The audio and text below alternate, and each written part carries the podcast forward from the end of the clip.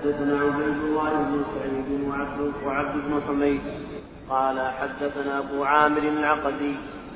حدثنا سليمان بن بلال عن عبد الله بن دينار عن أبي صالح عن أبي هريرة رضي الله عنه عن النبي صلى الله عليه وسلم قال الإيمان بضع وسبعون شعبة والحياء شعبة من الإيمان. نعم وهذا في بيان أن الأعمال داخلة في مسمى الإيمان. وأنها بضع وسبعون شعبة. في الرواية الأخرى لمسلم بضع وسبعون أو بضع وستون. ورواه البخاري بلفظ بضع وستون بدون شك. الإيمان بضع وسبعون شعبة. بلفظ الأخرى أعلاها قول لا إله إلا الله وأدناها إماطة الأذى عن الطريق. والحياء شعبة من الإيمان. هذه الشعب كلها من الإيمان. وهذا فيه دليل على أن الأعمال داخلة في مسمى الإيمان. فيه الرد على المرجئة. القائلين بأن الأعمال لا تدخل في مسمى الإيمان. بضع وسبعون شعبة كلها من الإيمان. ثم مثل النبي صلى الله عليه وسلم لأعلاها وأدناها مثل لأعمال مثل بكلمة التوحيد التي أعلاها وأفضلها وهي من قول اللسان. ومثل لأدناها وهي ما تصل عن طريق وهي عمل عمل بدني. ومثل الحياة وهو عمل قلبي. دل على أن أعمال الجوارح وأقوال اللسان وأعمال القلوب كلها داخلة في مسمى الإيمان. الإيمان بضع وسبعون فأعلاها قول لا إله إلا الله وأدناها إماطة الأذى عن الطريق والحياء شعبة من الإيمان. فأعلاها قول لا إله إلا الله وأدناها إماطة الأذى وبينهما شعب متفاوتة. منها ما يقرب من شعبة الشهادة ومنها ما يقرب من شعبة الإماطة. فالصلاة شعبة شعبة والزكاة شعبة والصوم شعبة والحج شعبة.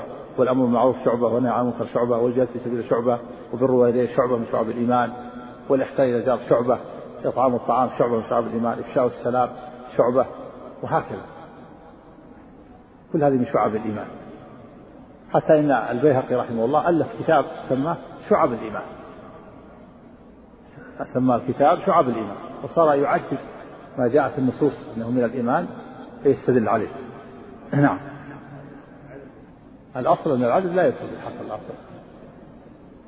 هذا هو الأصل. لكن ظاهر ظاهر الحديث هنا أنها أن هذه هي شعب الإيمان. نعم.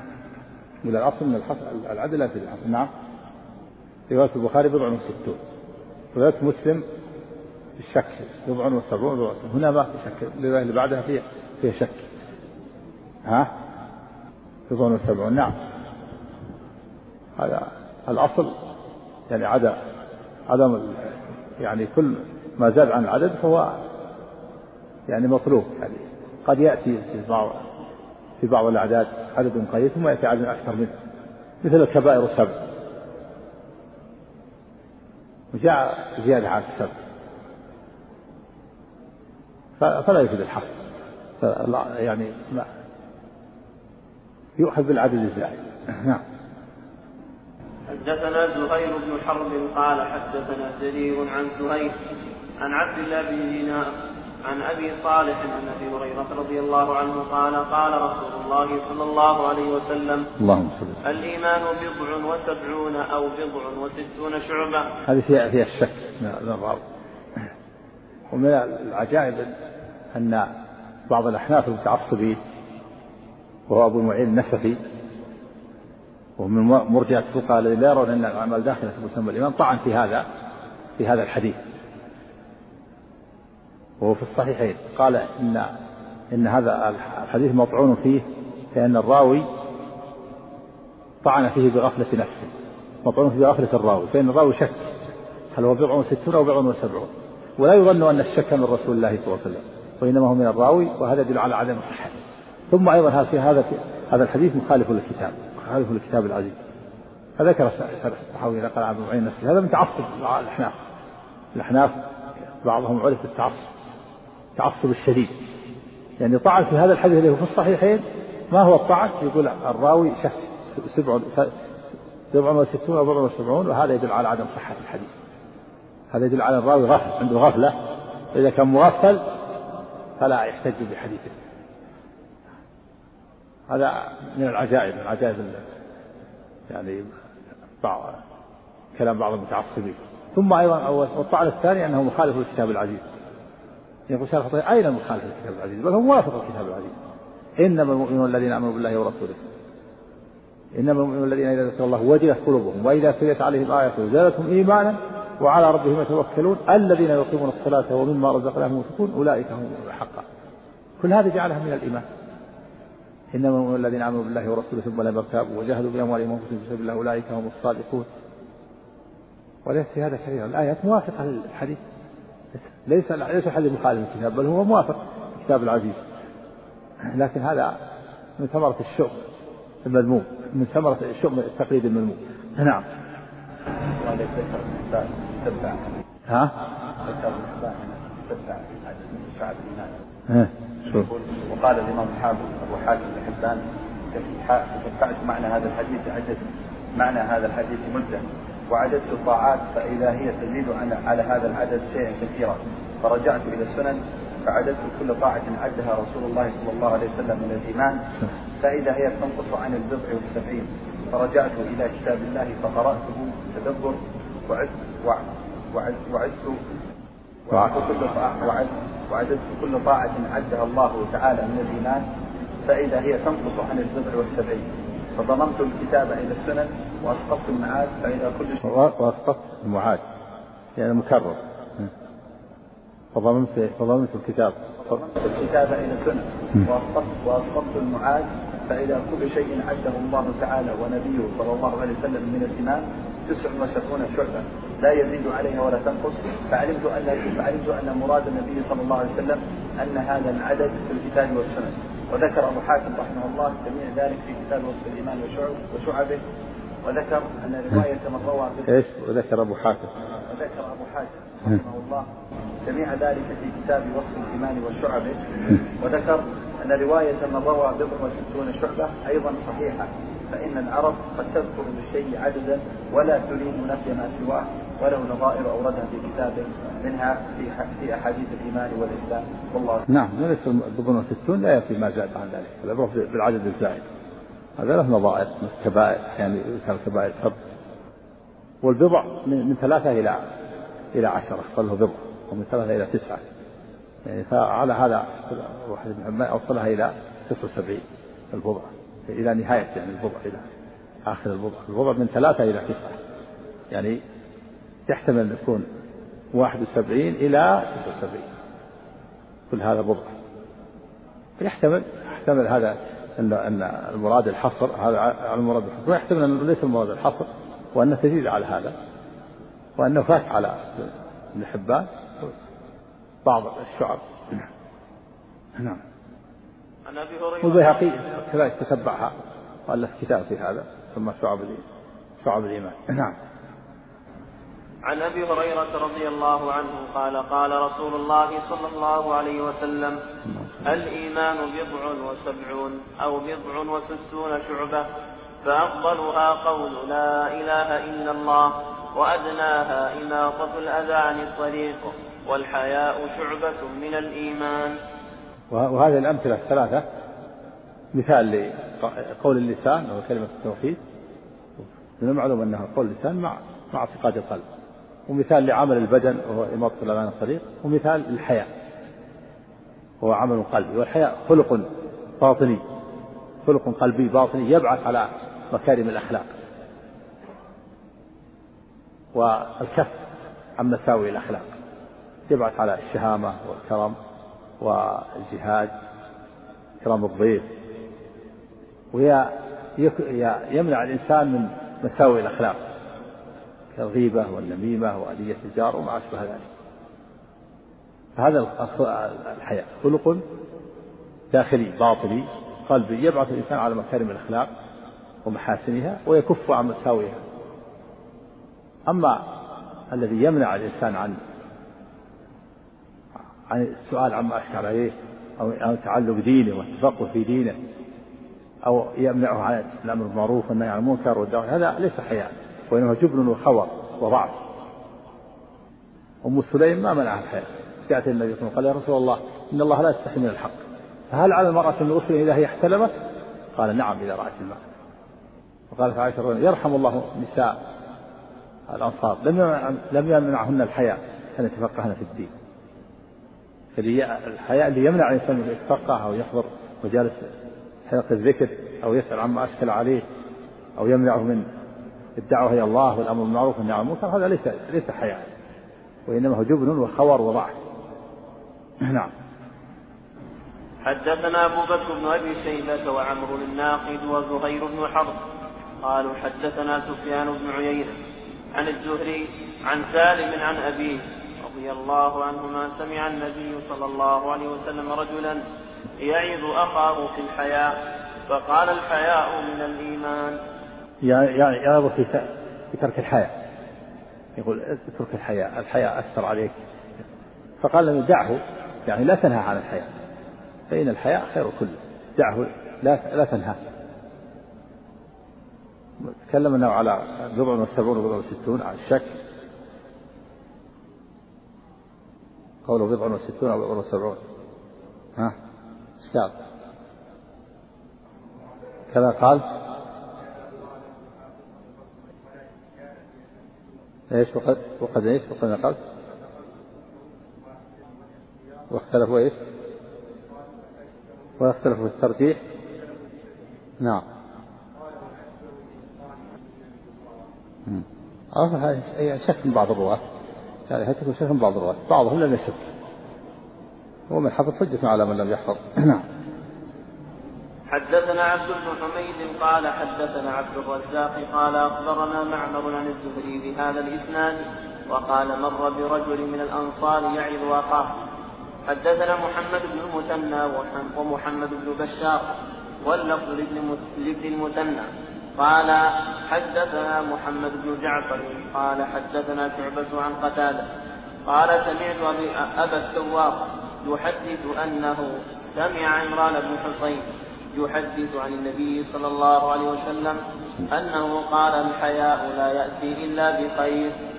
فقال بشير بن كعب أنه مكتوب في الحكمة أن منه وقارا ومنه سكينة فقال عمران أحدثك عن رسول الله صلى الله عليه وسلم وتحدثني عن صحفك.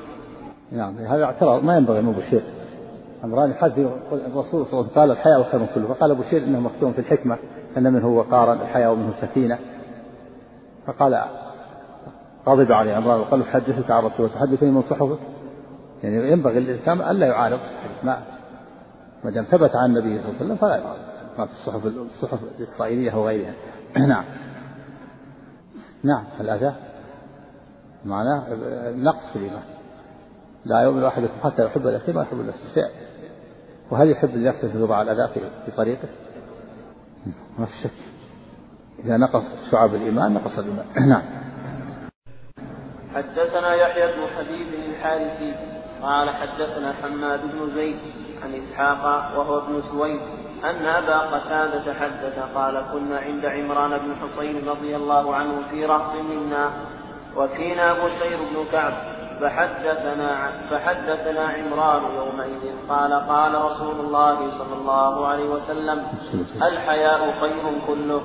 قال أو قال الحياء كله خير. فقال بشير بن كعب إنا لنجد في بعض الكتب أو الحكمة أن منه سكينة ووقارا لله ومنه ضعف. قال فغضب عمران حتى احمرتا عيناه وقال ألا, أرى ألا أراني أحدثك؟ قال وقال ألا أراني أحدثك عن رسول الله صلى الله عليه وسلم وتعارض فيه. قال فأعاد عمران الحديث. قال فأعاده شير فغضب عمران. قال فما زلنا نقول فيه. إنه منا يا أبا نجي إنه لا بأس به. نعم، وهذا فيه بيان أن الغضب للسنة إذا إذا عرضت السنة أمر الغضب لما عارض بشير السنة في صحفه. قال الصحابي الجليل روى عن النبي صلى الله عليه وسلم قال الحياء خير كله أو كله خير. فقال أبو شر بن كعب إنا لنجد في بعض الكتب أن منه سكينة ومنه وقار ومنه ضعف. فغضب عمران حتى احمرت مرت عيناه. وحق له ذلك. ثم لم أعاد عمران فأعاد بشير. فغضب. حتى أراد الحاضرون أن يبينوا أن قالوا إنه منا وإنه إنه لا بأس به. يعني بشير بن كعب ليس فيه نفاق ولا بدعة. معروف بالخير لكن هذا الاعتراض يعني صدر منه يعني. وهو لا يدل على نفاق ولا على بدعة. ولهذا غضب عمران رضي الله عنه. يعني اتهمه. ظن أنه متهم بالنفاق أو بالبدعة. عمران يحدث عن الرسول وهذا يعارض الكتب والذي أشار إلى أبو بشير كان يقول أنه منه ضعفا هذا الضعف ليس من الحياة الضعف. هذا جبن وخور الضعف الذي يكون الذي يتوهم أنه من الحياء كان يمنع الإنسان من السؤال عما أشكل عليه يمنع الإنسان من من إنكار المنكر من الدعوة إلى الله. هذا ليس هذا ليس من الحياء هذا جبن وخور هذا اللي أشار إليه بشير يقول منهم سكينة ووقار ومنه ضعف هذا ليس من الحياء والمقصود أن أن بشير بن كعب أخطأ في هذا. ليس له أن يعارض السنة. ولهذا غضب على الصحابي الجليل ومثل ذلك ابن عمر. لما قال إن النبي صلى الله عليه وسلم أو عن النبي صلى الله عليه وسلم قال لا تمنعوا إماء الله مساجد الله. عارضه أحد أبنائه. بلال وقال والله إذا نمنعهن غضب. وقال لا أكلمك. غضب عليه أنه عارض السنة. قال أقول قال رسول الله تمنعوا تقول والله إذا نمنعهن لا أكلمك. هجرة. من ذلك أيضا عبد الله بن أبي أوفى رضي الله عنه رأى بعض الناس يخذف فقال إن الرسول نهى عن الخذف. وقال إنها لا تصيد صيدا ولا تنكر عدوا وإنما تفقع العين وتكسر السن. الخذف الرمي بالحجارة الصغيرة بالأصابع. ثم رآه بعد ذلك يخذف فقال أحدثك عن رسول الله أنه من عن ثم تخذف لا أكلمك. ثم هجره فلا ينبغي الإنسان أن يعارض الكعبة. وكذا بشير بن كعب هنا عارض السنة. ولذلك غضب عليه عمران حتى حمرت حتى خشي أنه متهم. فجعل من حوله من أصحابه يهدئون. عمران ويقول يا أبا نجيب يا أبا نجيب كنية كنية عمران. كنية أبو نجيب يا أبا نجيب إنه منا وإنه لا بأس به. إنه غير متهم. ما هو متهم بنفاق ولا بدعة لكن صدرت من هذه الكلمات. قال حتى احمرتا عينه يقول حتى احمرت. حتى احمرتا هذه على اللغة ضعيفة يسمونها لغة أكلون البراغيث. حتى احمرتا عيناه الأصل يقول حتى احمرت عيناه مثل جاء بها القرآن قوله وأسر النجوى الذين ظلموا. وقوله حتى احمرت عيناه كذا هو في الأصول وهو صحيح جار على لغة على لغة أكلون البراغيث. ومثله وأسر النجوى وأسر النجوى الذين ظلموا على أحد المذاهب فيها ومثله يتعاقبون فيكم ملائكة وأشباهه كثيرة معروفة نعم يتعاقبون فيكم ملائكة. أصلا يقول يتعاقبوا فيكم. نعم. ورويناه في سنن أبي داود واحمرت عيناه من غير ألف وهذا ظاهر. وأما إنكار عمران رضي الله عنه فلكونه قال منه ضعف بعد سماعه قول النبي صلى الله عليه وسلم أنه خير كله. ومعنى تعارف تعارف تأتي بكلام في مقابلته وتعترض بما يخالفه. لا هو اعترض عليه من جهة من جهة من جهة أنه قال إن إنه موجود في الحكمة أن منه وقار ومن جهة أنه قال فيه ضعف. حتى ولو ما قال فيه ضعف. الروايات الأولى ما فيها أنه قال أنه ضعف ومع ذلك أنكر عليه عمران وغضب. لأنه يخبره عن عن قول رسول الله صلى الله عليه وسلم وهذا يخبره عما في الصحف. نعم. إيه؟ ولو كان كان يعني يريد أن يؤيد هذا بما هو مذكور. حديث الرسول ما يحتاج إلى تأييد. نعم. من الثلاثة إلى التسعة. ولا لا السبع سبعون لا. لكن غيره رواه لكن رواه على غير غيره سهيل غيره رواه على الرواية الأولى ما في شك. أحد الرواة. نعم. حدثنا إسحاق بن إبراهيم قال أخبر النضر ويجي هذا بعض اللي عدها بعض. حبان عدها حتى وصل 79 نعم. حدثنا إسحاق بن إبراهيم قال أخبرنا النضر قال حدثنا أبو نعامة العدوي قال سمعت حكير بن الربيع العدوي يقول عن عمران بن حصين رضي الله عنه عن النبي صلى الله عليه وسلم نحو حديث حماد بن زيد. حدثنا أبو بكر بن أبي شيبة وأبو كريب قال حدثنا ابن نمير حاء وحدثنا قتيبة بن سعيد وإسحاق بن إبراهيم جميعا عن جرير. حاء وحدثنا أبو كريب قال حدثنا أبو أسامة كلهم عن هشام بن عروة عن أبيه عن سفيان بن عبد الله الثقفي رضي الله عنه قال قلت يا رسول الله قل لي في الإسلام قولا لا أسأل عنه أحدا بعدك وفي حديث أبي أسامة غيره قال قل آمنت بالله فاستقم. ها؟ فاستقم ولا ثم استقم؟ نعم. نعم. حدثنا قتيبة بن سعيد هذه ولا الثانية؟ ولا في الرواية اللي بعدها نعم. نعم. ها؟ قالت بدلا ثم ثم طيب نعم. هذا الرواية الأخرى نعم نعم. حدثنا قتيبة بن سعيد قال حدثنا ليث حاء وحدثنا محمد بن رمح. ابن المهاجر قال أخبرنا الليث عن يزيد بن أبي حبيب عن أبي الخير عن عبد الله بن عمر عن عبد الله بن عمرو رضي الله عنه أن رجلا سأل رسول الله صلى الله عليه وسلم أي الإسلام خير؟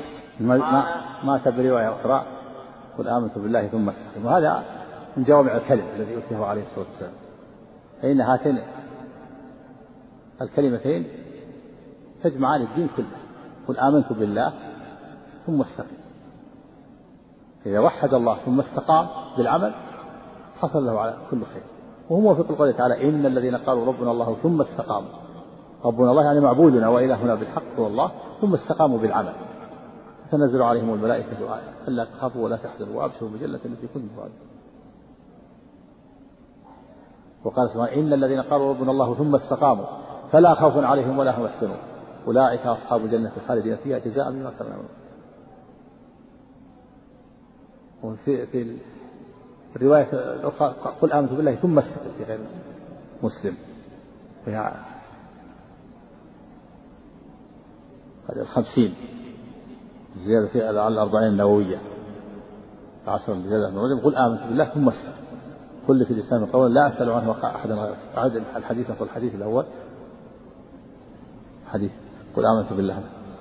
عن عن سفيان بن عبد الله الثقفي رضي الله عنه قال قلت يا رسول الله قل لي في الإسلام قولا لا أسأل عنه أحدا بعدك. وفي حديث أبي أسامة غيرك قال قل آمنت بالله فاستقم. ثم استقم. ولا ولا ذكر فيها خلاف. اشكال على الشارع وقال ابن عباس رضي الله عنهما في قوله في قول الله تعالى فاستقم. بس. في اللفظ ما, ذكر في الأفضال قوله قل آمنت بالله فاستقم. ها؟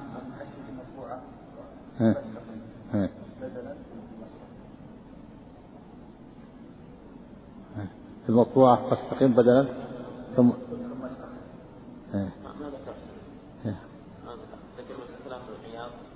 لكن في المتن قل قامت بالله. في الفاء. لكن ذاكر المحشي ها. الشرح في الشرح في الشرح لفظة لفظة. قل آمنت بالله. عندي قوله قل قلت يا رسول الله قل في الإسلام قولا لا أسأل عنه غيرك. قال قل آمنت بالله ثم استقم ظاهرة أنه ثم استقم و... لأنه لو كان فيها تعرض له. ما دام تعرض له وأن عندك المحشي ذكر أن في المطبوعة فاستقم وهو الموجود في الحديث الأربعين. أو الخمسين قل آمنت بالله ثم استقم.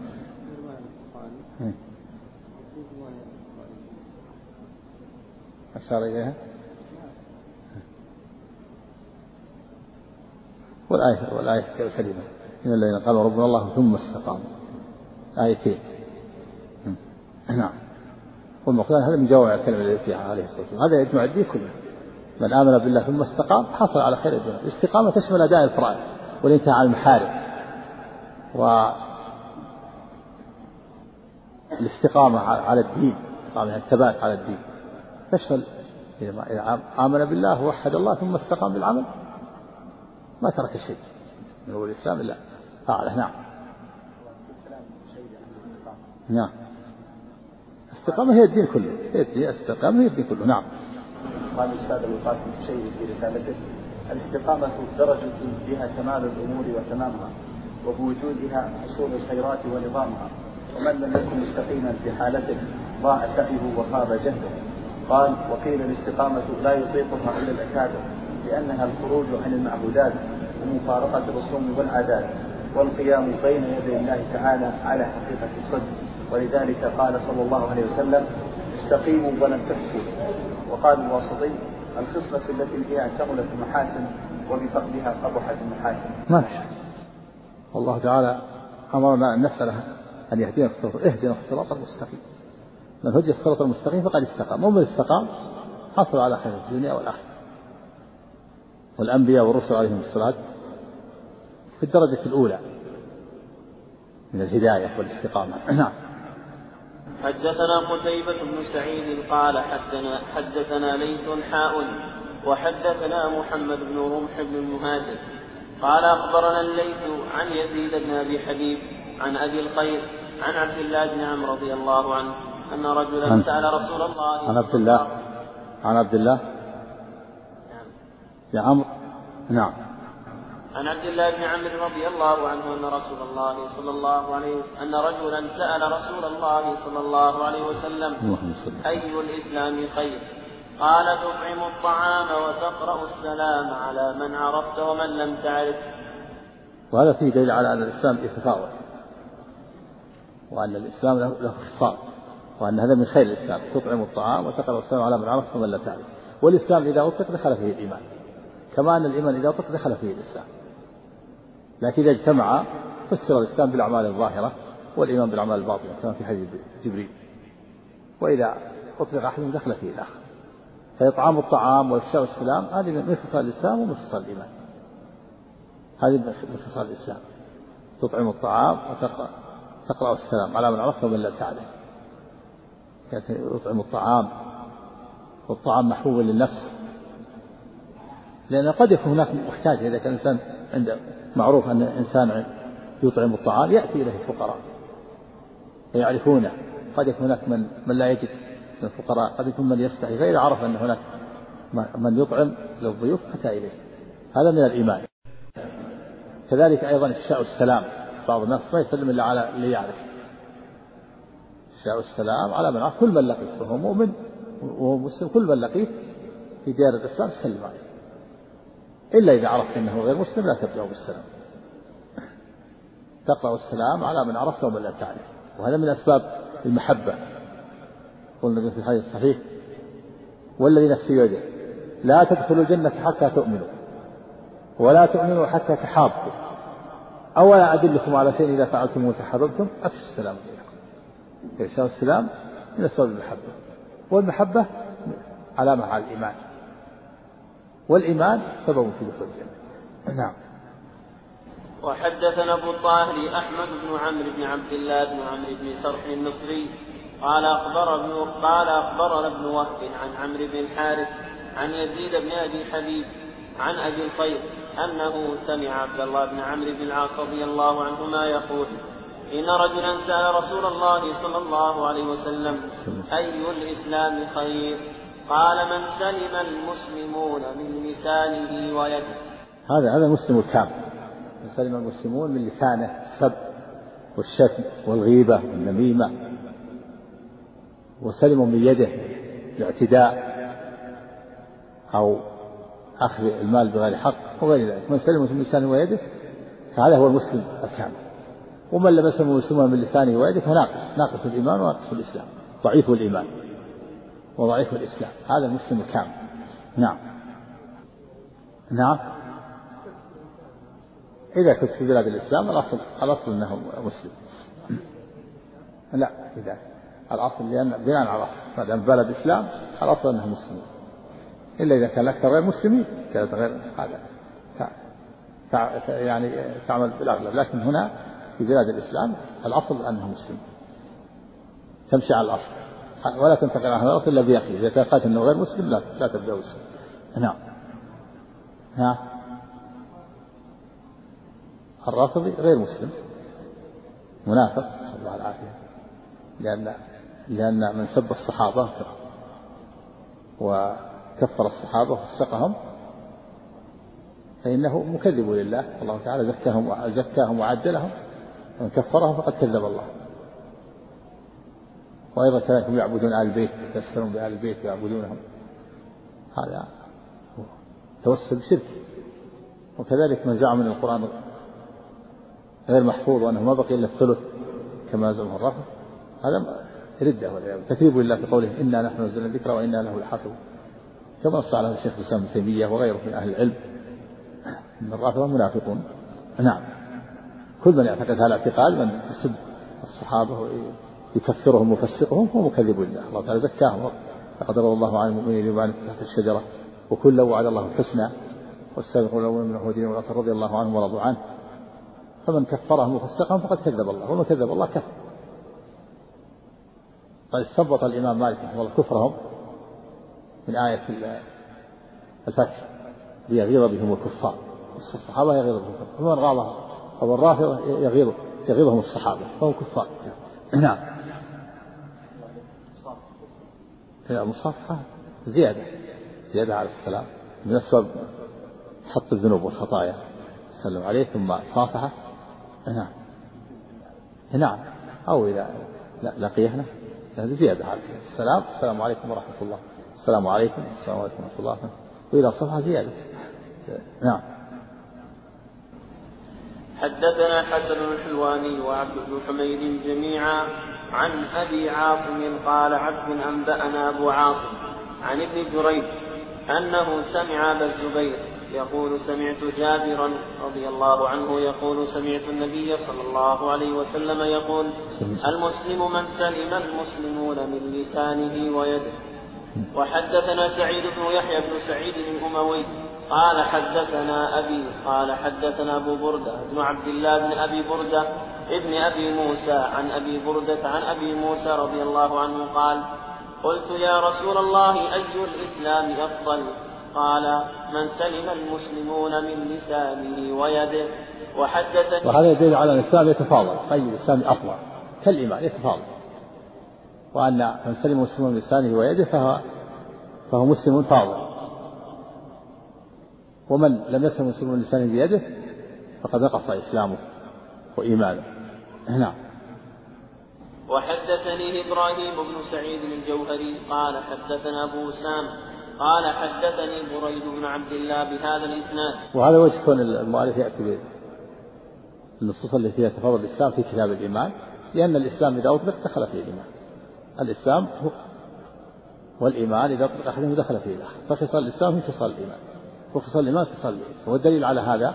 أن النبي صلى الله عليه وسلم فسر الإيمان في حديث في حديث وفد عبد القيس بالأعمال قال آمركم بالإيمان بالله وحده. أتدرون ما الإيمان بالله وحده؟ شهادة أن لا إله إلا الله وأني رسول الله وتقيموا الصلاة وتؤتوا الزكاة وتؤدوا خمس ما غنمتم. فسر في اتصال الإسلام فالإيمان إذا أطلق دخل فيه الإسلام والإسلام إذا أطلق دخل فيه الإيمان. نعم. وحدثني إبراهيم بن سعيد الجوهري قال حدثنا أبو أسامة قال حدثني بريد بن عبد الله بهذا الإسناد قال سئل رسول الله صلى الله عليه وسلم أي المسلمين أفضل؟ فذكر مثله. حدثنا إسحاق بن إبراهيم ومحمد بن يحيى بن أبي عمر ومحمد بن بشار جميعا عن الثقفي. قال ابن أبي عمر حدثنا عبد الوهاب عن أيوب عن أبي قلابة عن أنس رضي الله عنه عن النبي صلى الله عليه وسلم قال ثلاث من كن فيه وجد بهن حلاوة الإيمان. من كان الله ورسوله أحب إليه مما سواهما وأن يحب المرء لا يحبه إلا لله وأن يكره أن يعود في الكفر بعد أن أنقذه الله منه كما يكره أن يقذف في النار. وهذه الخصال من وجدت فيه وجد لذة الإيمان وحلاوة الإيمان. من وجد فيه من وجد في هذه الخصال ثلاث من كل وجد حلاوة يعني لذة الإيمان طمأنينته ما كان الله ورسوله أحب إليه مما سواهم. هذا كمال الإيمان. يعني فقد كمل إيمانه. من وجد في هذه الثلاث كمل إيمانه. استكمل الإيمان. ورضيت نفسه وصح إيمانه. من كان الله ورسوله أحب إليه مما سواهما. هذا هو الكمال. فإذا قدم شيء على محبة الله ورسوله دل على نقص إيمانه. ولا يكفر لأن معها أصل المحبة أصل المحبة أصل محبة الله ورسوله لا بد منها. من لم يحب الله ورسوله كافر. لكن المؤمن عنده أصل العاصي المؤمن العاصي عنده أصل المحبة لكن قد يقدم شيء على محبة الله ورسوله. فمثلا يتعامل بالربا. هذا فيه تقديم قدم المال حب المال على محبة الله ورسوله. قد بعض المعاملات قد يتساهل بعض الواجبات قد يقدم النوم أو العمل على صلاة الجماعة يكون قدم هذا الشيء على محبة الله ورسوله. كما قال الله تعالى قل إن كان آباؤكم وأبناؤكم وإخوانكم وأزواجكم وعشيرتكم وأموال اقترفتموها وتجارة تخشون كسادها ومساكن ترضونها أحب إليكم من الله ورسوله وجهاد في سبيله فتربصوا حتى يأتي الله بأمره. والله لا يهدي القوم الفاسقين. يعني من قدم شيء من هذه الأشياء الثمانية على محبة الله ورسوله يعتبر فاسق آباء مقدم محبة الأب أو الإبن أو الإخوان أو الزوج الأزواج أو العشيرة أو الأموال أو التجارة أو المساكن ولهذا قال فتربصوا حتى يأتي الله بأمره والله لا يهدي القوم الفاسقين. فيكون عاصي معه أصل محبة الله ورسوله. لكن كان الكمال أن يقدم محبة الله ورسوله على كل شيء. يعني يكون الله ورسوله أحب إليه مما ومن قدم محبة الله ومحبة رسوله لا لا يتعامل بالربا. ولا يتأخر عن صلاة الجماعة. ما يعصي. إذا عصى دل على أنه ما قدم محبة الله ورسوله. عاصي يقدم محبة محبة ما يهواه من المعاصي على محبة الله ورسوله. من كان الله ورسوله أحب إليه مما سواهما يؤدي الفرائض وينتهي عن الحال ومن كان يحب المرء لا يحبه إلا لله الخصلة الثانية. يحب الشخص لا يحبه إلا لله من أجل استقامته. ولو كان بعيد الدار ولو لم يكن بينه وبينه نسب ولا قرابة لا يحبه إلا لأجل استقامته والثالثة أن يكره أن يعود في الكفر كما يكره أن يقذف في النار. يكره الكفر كراهة شديدة ككراهته لأن يقذف في النار. هذا يدل على كمال هذا من كمال الإيمان. ومن لم يكن كذلك يكون عنده نقص وهذا يدل على تفاوت الإيمان وأن الإيمان يتفاوت نعم. حدثنا محمد بن المثنى وابن بشار قال حدثنا محمد بن جعفر قال حد قال حدثنا شعبة قال سمعت قتادة قتادة يحدث عن أنس رضي الله عنه قال قال رسول الله صلى الله عليه وسلم ثلاث من كن فيه وجد طعم الإيمان من كان يحب المرء لا يحبه إلا لله ومن كان الله ورسوله أحب إليه مما سواهما ومن كان أن وما ومن كان أن يلقى في النار أحب إليه من أن يرجع في الكفر بعد أن أنقذه الله منه. هنا ومن كان أحب أن يلقى في النار. من أحب أن يلقى في النار أحب عليه من أن يعود الكفر. ومن كره الكفر كما يكره أن يلقى في النار. والمعنى متقارب. هذا يكره الكفر كما يكره أن يلقى في النار. وهنا من أحب أن يلقى في النار خير له من أن خير له من من الكفر. نعم. حدثنا إسحاق بن منصور. نعم. محبة معروف المحبة صفة من صفات الله تليق بجلاله وعظمته. من أثرها الرضا والثواب. النووي على طريقة طريقة المؤولين فسرها بالإرادة. قال الإرادة عندك. ها؟ هذا هذه محبة المخلوق. نعم. نعم. نعم. نعم. كما قال ومن الناس من يتخذ من دون الله أندادا يحبونهم كحب الله. والذين آمنوا اشد حبا المشركون يحبون أندادهم كما يحبون الله. والذين آمنوا اشد حبا لله. لأن محبة المشركين مشتركة ومحبة المؤمنين خالصة. نعم. معنوية. لذة الإيمان وحلاوة الإيمان. معنوية. الطمأنينة والانشراح الصدر يكون يرضى ويطمئن وتنشرح نفسه ويطمئن ويتلذذ بالعمل الصالح. نعم. حدثنا إسحاق بن منصور قال أنبأنا النضر بن شمير قال أنبأنا حماد بن ثابت عن أنس رضي الله عنه قال نعم عن ثابت. حدثنا إسحاق بن منصور قال أنبأنا النضر بن شميل قال أنبأنا حماد عن ثابت عن أنس رضي الله عنه قال قال رسول الله صلى الله عليه وسلم اللهم بنحو حديثهم غير أنه قال من أن من أن يرجع يهوديا أو نصرانيا. يعني خير له من أن يرجع. نعم. وحدثني زهير بن حرب قال حدثنا إسماعيل بن علي.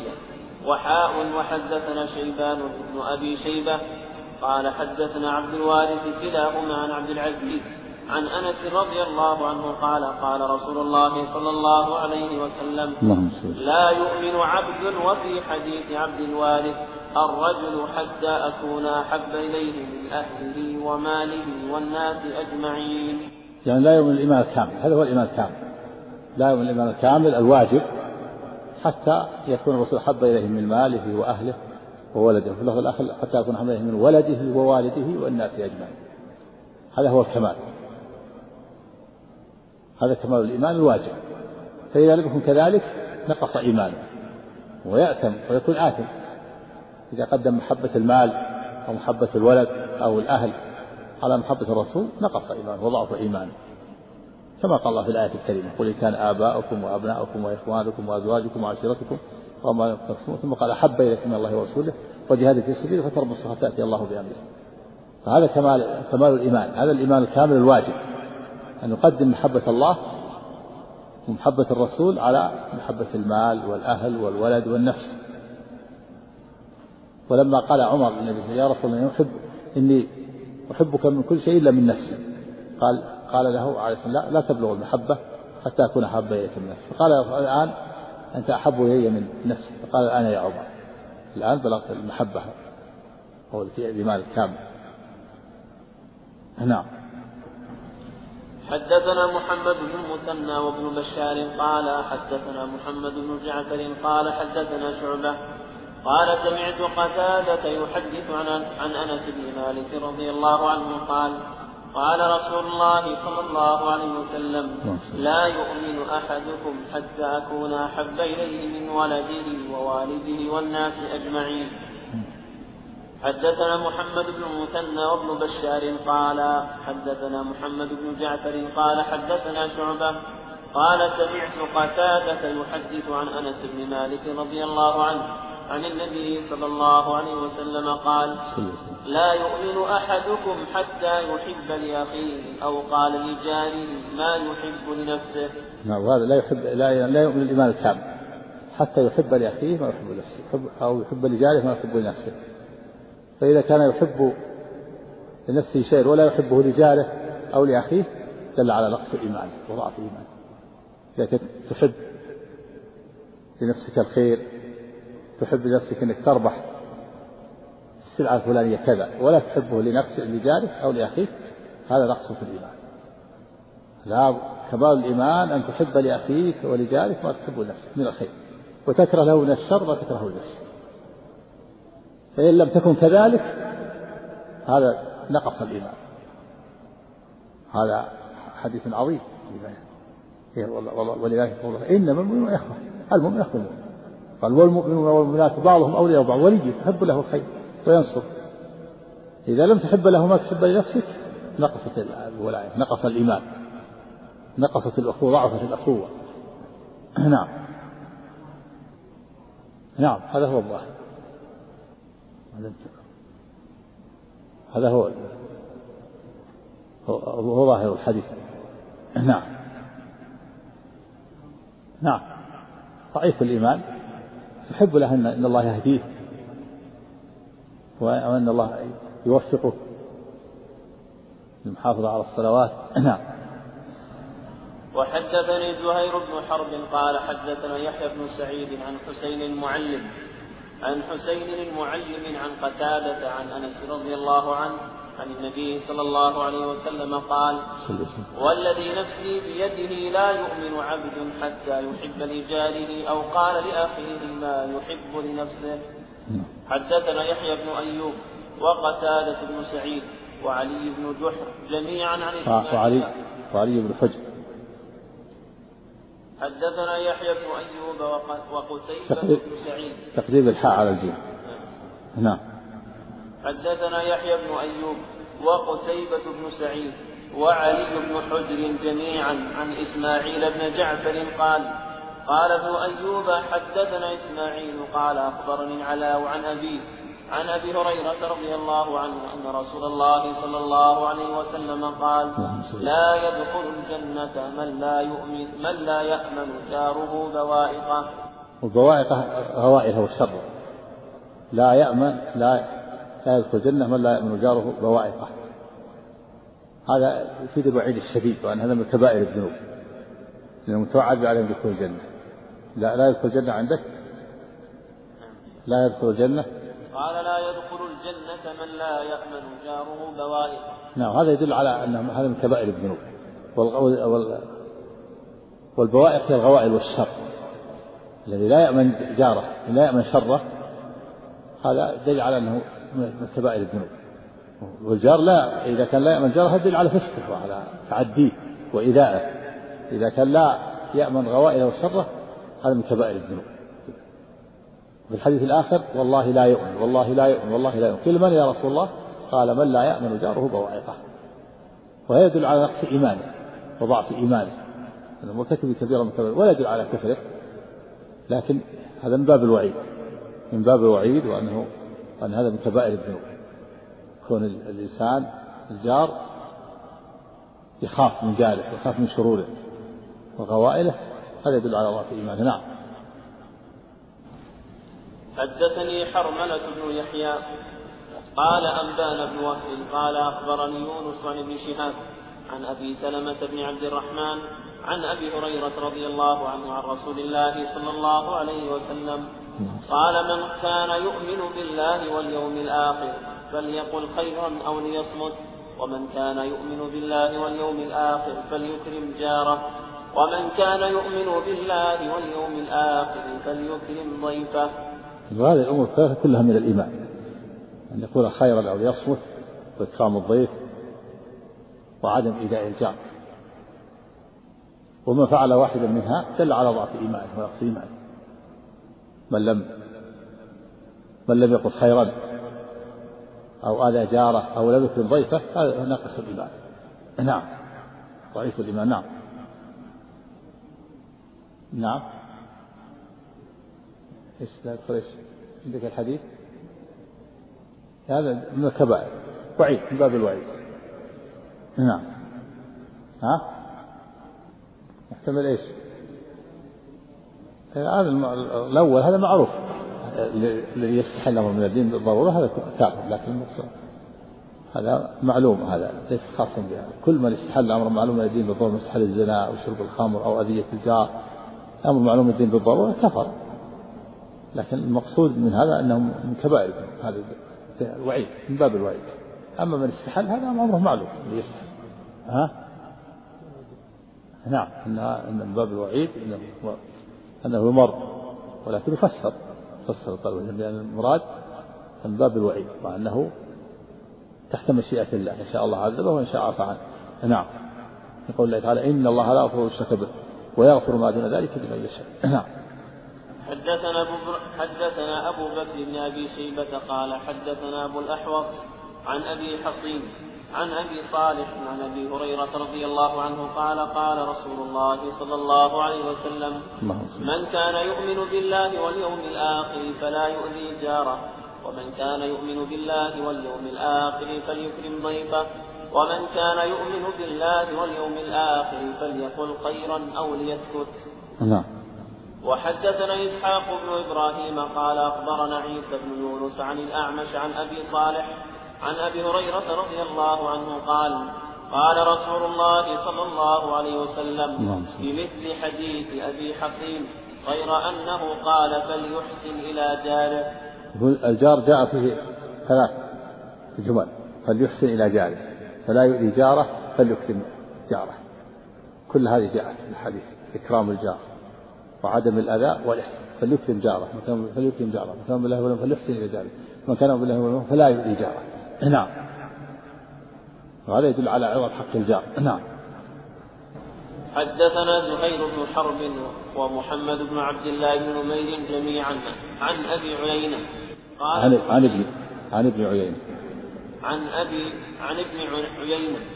قال ابن مير قال حدث قال ابن مير حدثنا سفيان عن عن عمرو أنه سمع نافع بن جبير يخبر عن أبي شريح الخزاعي أن النبي صلى الله عليه وسلم قال من كان يؤمن بالله واليوم الآخر فليحسن إلى جاره ومن كان يؤمن بالله واليوم الآخر فليكرم ضيفه ومن كان يؤمن بالله واليوم الآخر فليقل خيرا أو ليسكت. نعم. ومن أخذ بوحي منها نقص إيمانه ضعف إيمانه. نعم. حدثنا أبو بكر بن أبي شيبة قال حدثنا وكيع عن سفيان حاء وحدثنا محمد بن المثنى قال حدثنا محمد بن جعفر قال حدثنا شعبة كلاهما عن قيس بن مسلم عن طارق بن شهاب وهذا حديث أبي بكر قال أول من بدا بالخطبة يوم العيد قبل الصلاة. نعم. نعم هذا الضيف الضيف الذي ينزل الضيف الذي ينزل يأتي هو معروف.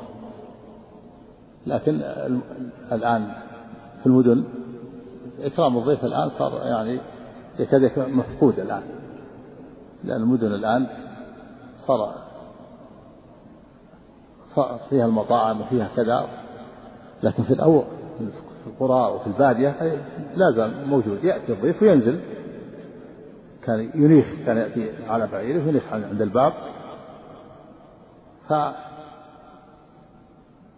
يدخل صاحب البيت ويكرمه والضيافة الواجب يوم وليلة وتصحب ثلاثة أيام. ما كلام بالله ولا ما فليكن ضيفة جائزته كذا وما قال يوم وليلة والضيافة ثلاثة أيام مستحب. وما زاد على ذلك فهو فضل يعني يكرمه يوم يوم هذا الواجب أو ثلاثة أيام في القرى وفي المدن لكن في المدن الآن ضاع هذا. يأتي إنسان وينزل إنسان قال ماذا تريد؟ عندك المطاعم عندك كذا. نعم. نعم. لا يؤذي جاره. وليكرم جاره فليحسن إلى جاره. ثلاثة ألفاظ. نعم. نعم نعم